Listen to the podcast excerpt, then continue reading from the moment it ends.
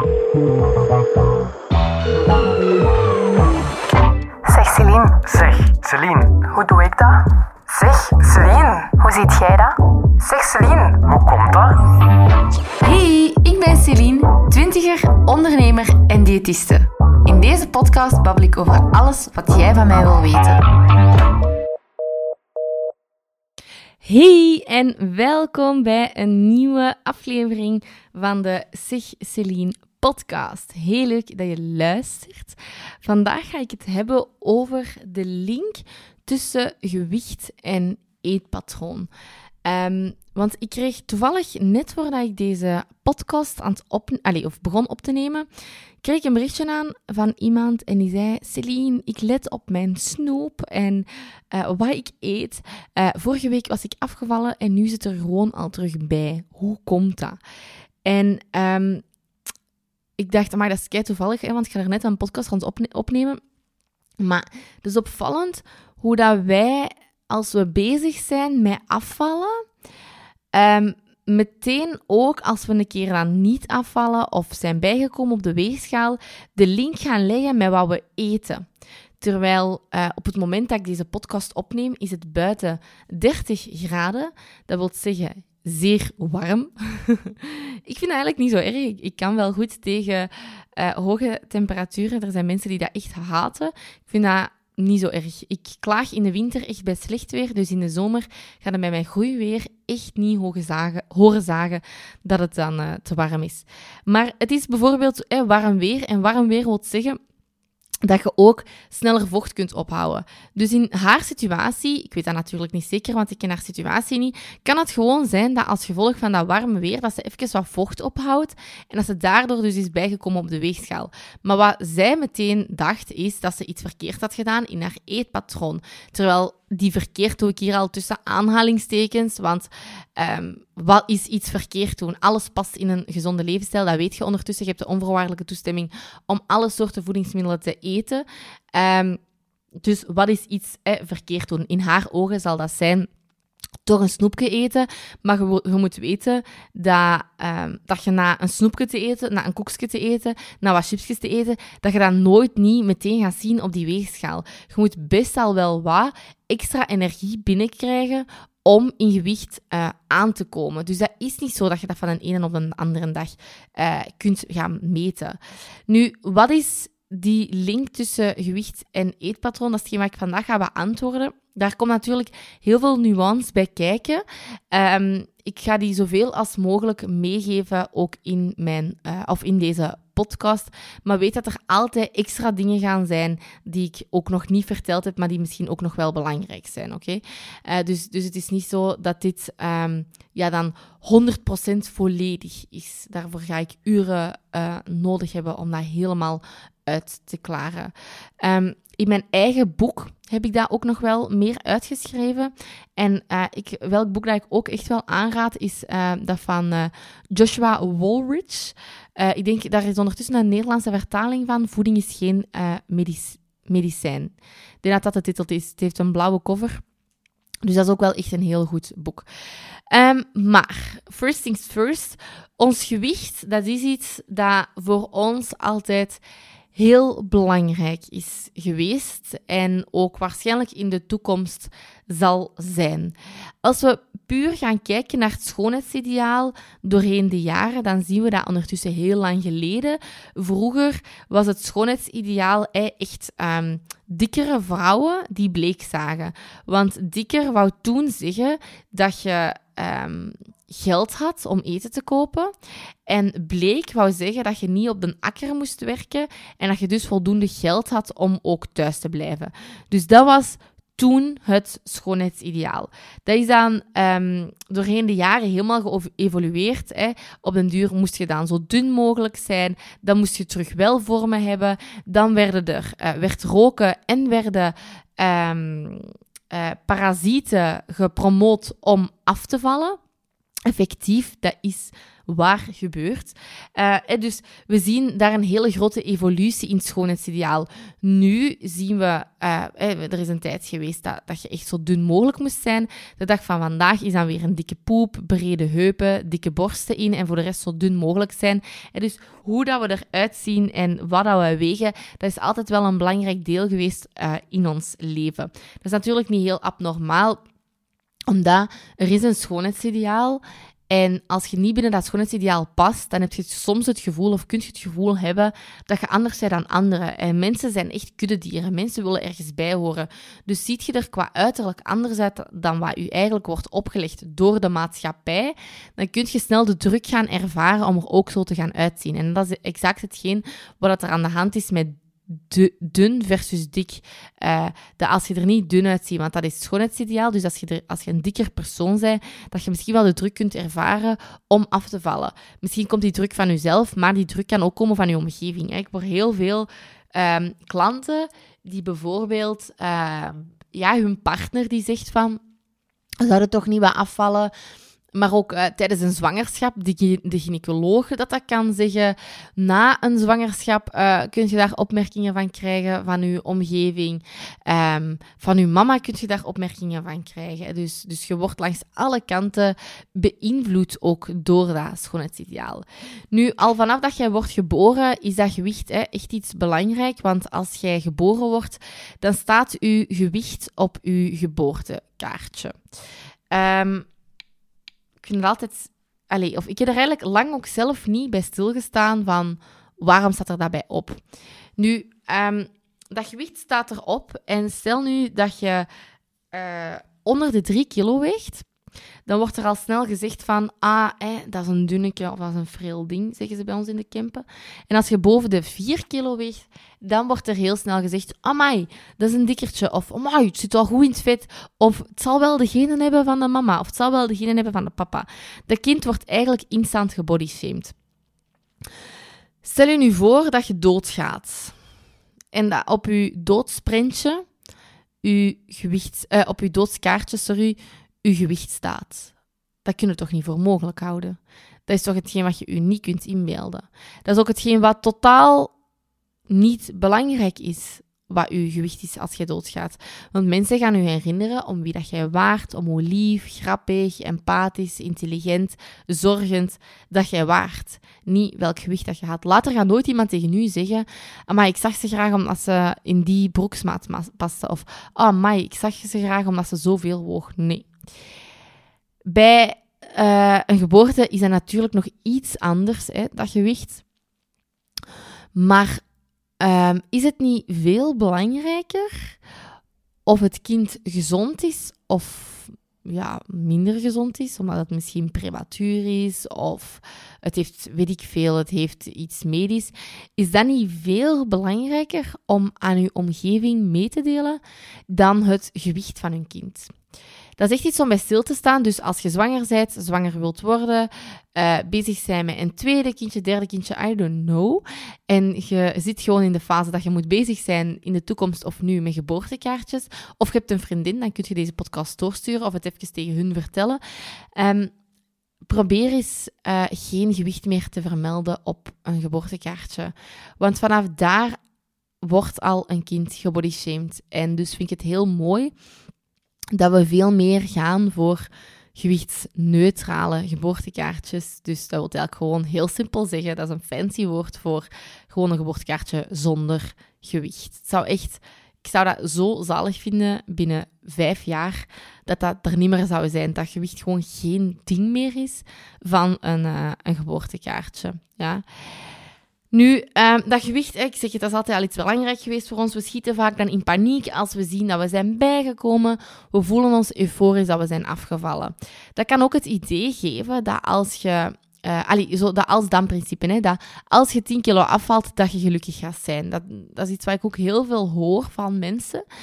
En um, ik vind dat altijd heel interessant, want als ik dan vraag naar wat het mooiste momenten zijn in hun leven, dan heeft dat eigenlijk nooit te maken met, ah, het moment waarop ik zoveel woog op de weegschaal. Of het moment waarop ik in drie die broeksmaat paste.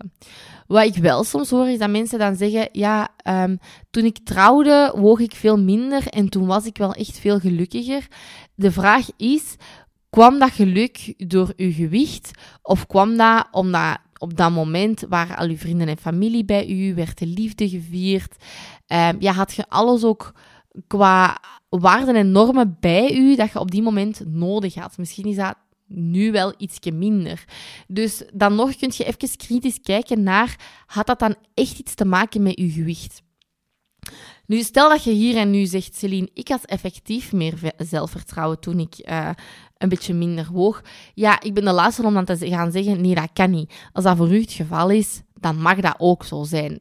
En ik, ik weet ook dat dat voor sommige mensen het geval is. Ik denk dat we daar ook niet stoem over moeten doen. Ik denk dat heel veel mensen zeggen, als ik dunner zou zijn, dan ga ik meer zelfvertrouwen hebben. Terwijl zelfvertrouwen zit eigenlijk in het hoofd en heeft weinig te maken met hoe uw lichaam eruit ziet. Maar het kan het wel, of course, um, beïnvloeden. Nu, um, met dat berichtje en dat ik dan toevallig had gekregen van, oh, wat doe ik mis? Um, daarmee denken we vaak gewoon dat ons gewicht bepaald wordt door hetgeen wat we eten. En eigenlijk moet je gewicht zien als um, een puzzel van 100 stukjes. En één van die 100 stukjes is je eetpatroon. Maar je hebt nog 99 andere stukjes. En die vergeten we vaak. Dus op het moment dat je ziet dat je bent aangekomen op die weegschaal, gooit die weegschaal sowieso al weg. Maar oké. Weet dat dat altijd een genuanceerd verhaal is.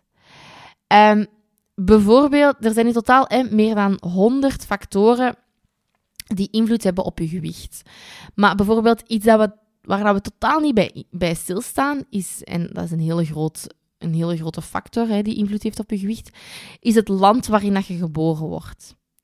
Als je in een welvarend land zoals België geboren wordt, dan wil dat zeggen dat we een goede luchtkwaliteit hebben, goede waterkwaliteit hebben, dat we veel toegang hebben tot gezonde voeding, maar ook een betere toegang hebben tot ziekenzorg en een betere, uh, betere toegang tot studeren, met als gevolg later een beter inkomen en dus ook uh, dat we geld hebben om gezond eten te kopen dat allemaal, wat ik nu heb opgesomd, dat is niet zo vanzelfsprekend voor heel veel mensen.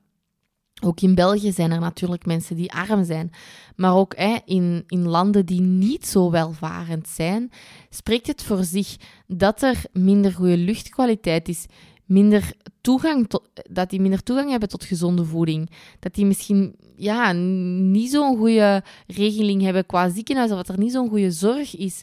Dat die ook misschien niet zo verzekerd zijn als dat wij Belgen zijn. Ehm, die hebben ook minder toegang tot scholen, die kunnen dat vaak ook niet betalen. Dat wil ook zeggen dat als die later gaan werken, dat die minder geld hebben en dus minder inkomsten hebben om gezonde voeding te kopen. Dus dat alleen al kunt je je inbeelden dat als jij in een arm land zou wonen, waar dat je een laag inkomen hebt en dus slechte luchtkwaliteit hebt, ja, dan eh, zit je waarschijnlijk niet op hetzelfde gewicht als dat je nu zit. Omdat de omstandigheden helemaal anders zijn.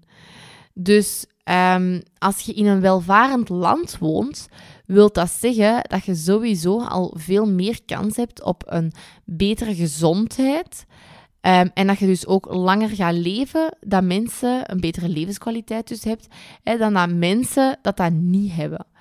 Dus dat, dat vond ik toch wel even iets belangrijk om ook toe, toe, te lichten, omdat dat is een privilege dat je hebt als je in België woont of in Nederland woont en dat je hebt kunnen studeren en toegang hebt tot water van de kraan en dat soort zaken.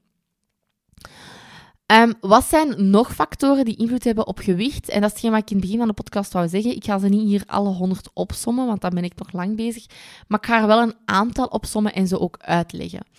Als allereerste is dat slaap. Dat is iets wat we mega hard onderschatten in hoeverre dat slaap invloed heeft op hoe voedzaam dat je eet. Want als je weinig slaapt, als je dus constant vermoeid bent vaak, want slaap, slaap helpt om je ook wel gewoon energierijker te voelen op, op de dag. Eh, als je weinig slaapt, bent je vaak ook vermoeider overdag. En als je vermoeid bent, wil dat zeggen dat je vaak op zoek gaat naar snelle suikers om je snel energie te geven. Waarin zitten snelle suikers? Dat zit bijvoorbeeld in chips, uh, in snoepjes, in cola, uh, frisdrank dus in het algemeen. Daar, daar zitten allemaal snelle suikers in. Um, als je echt moe bent, ja, dan gaat je niet snel een appel pakken. Dan gaat je snel een koek grijpen. Dat is heel, heel logisch. Maar dus op die manier heeft slaap een directe invloed op je, uh, op uw gewicht, maar ook op je, op uw gezondheid. Um, stress heeft ook invloed op onze algemene gezondheid of op ons gewicht. Hè. Heel veel stress kan ervoor zorgen dat je gaat bijkomen. Kan in sommige situaties ook ervoor zorgen dat je gaat afvallen.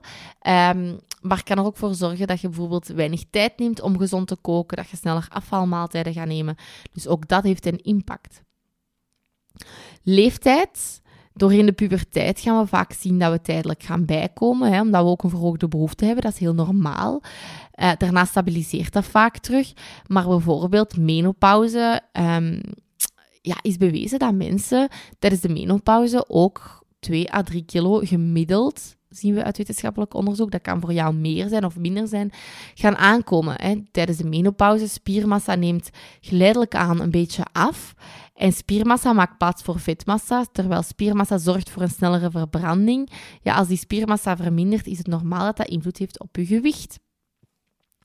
Beweging, ja, dat spreekt denk ik voor zich.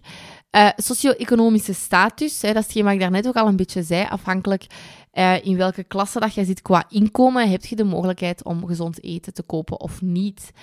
Hormonen, menstruatie, heeft ook invloed op je gewicht. Tijdens je menstruatie wegen we vaak meer dan dat je niet, uh, of dat je geen menstruatie hebt, of dat je niet in, de, in je, dat je ja, ik, allee, hoe moet ik het uitleggen? Dat je, want ja, als je de pil neemt, dan is dat natuurlijk nog anders dan dat je geen pil neemt of geen anticonceptie neemt.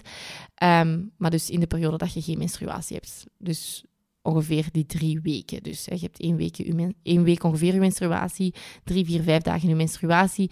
Dat is de periode waar dat je meer weegt vaak dan wanneer dat je niet je menstruatie hebt. Uh, je merkt waarschijnlijk, ik ben daar echt niet zo heel hard in thuis. Uh, dus ik zou ook zeggen, verder moet je van mij geen adviezen daar rond uh, aannemen. Er zijn wel bedrijven vind ik misschien wel even belangrijk om te vermelden. Er zijn bedrijven, er is één groot bedrijf uh, dat supplementen verkoopt om te zeggen van uh, krijg je cyclus terug, uh, doe dit bij, of neem deze supplementen bij PCOS, bla bla bla bla bla. En hoewel dat hoogstwaarschijnlijk wel ergens op gebaseerd zal zijn, uh, weet ik ook dat die supplementen gewoon veel geld kosten. En dat je supplementen veel goedkoper uh, kunt krijgen die hetzelfde effect hebben. Dus een mooie branding zorgt er vaak voor dat we heel snel geneigd zijn om die supplementen te gaan kopen. En als je dat wilt doen, you do you.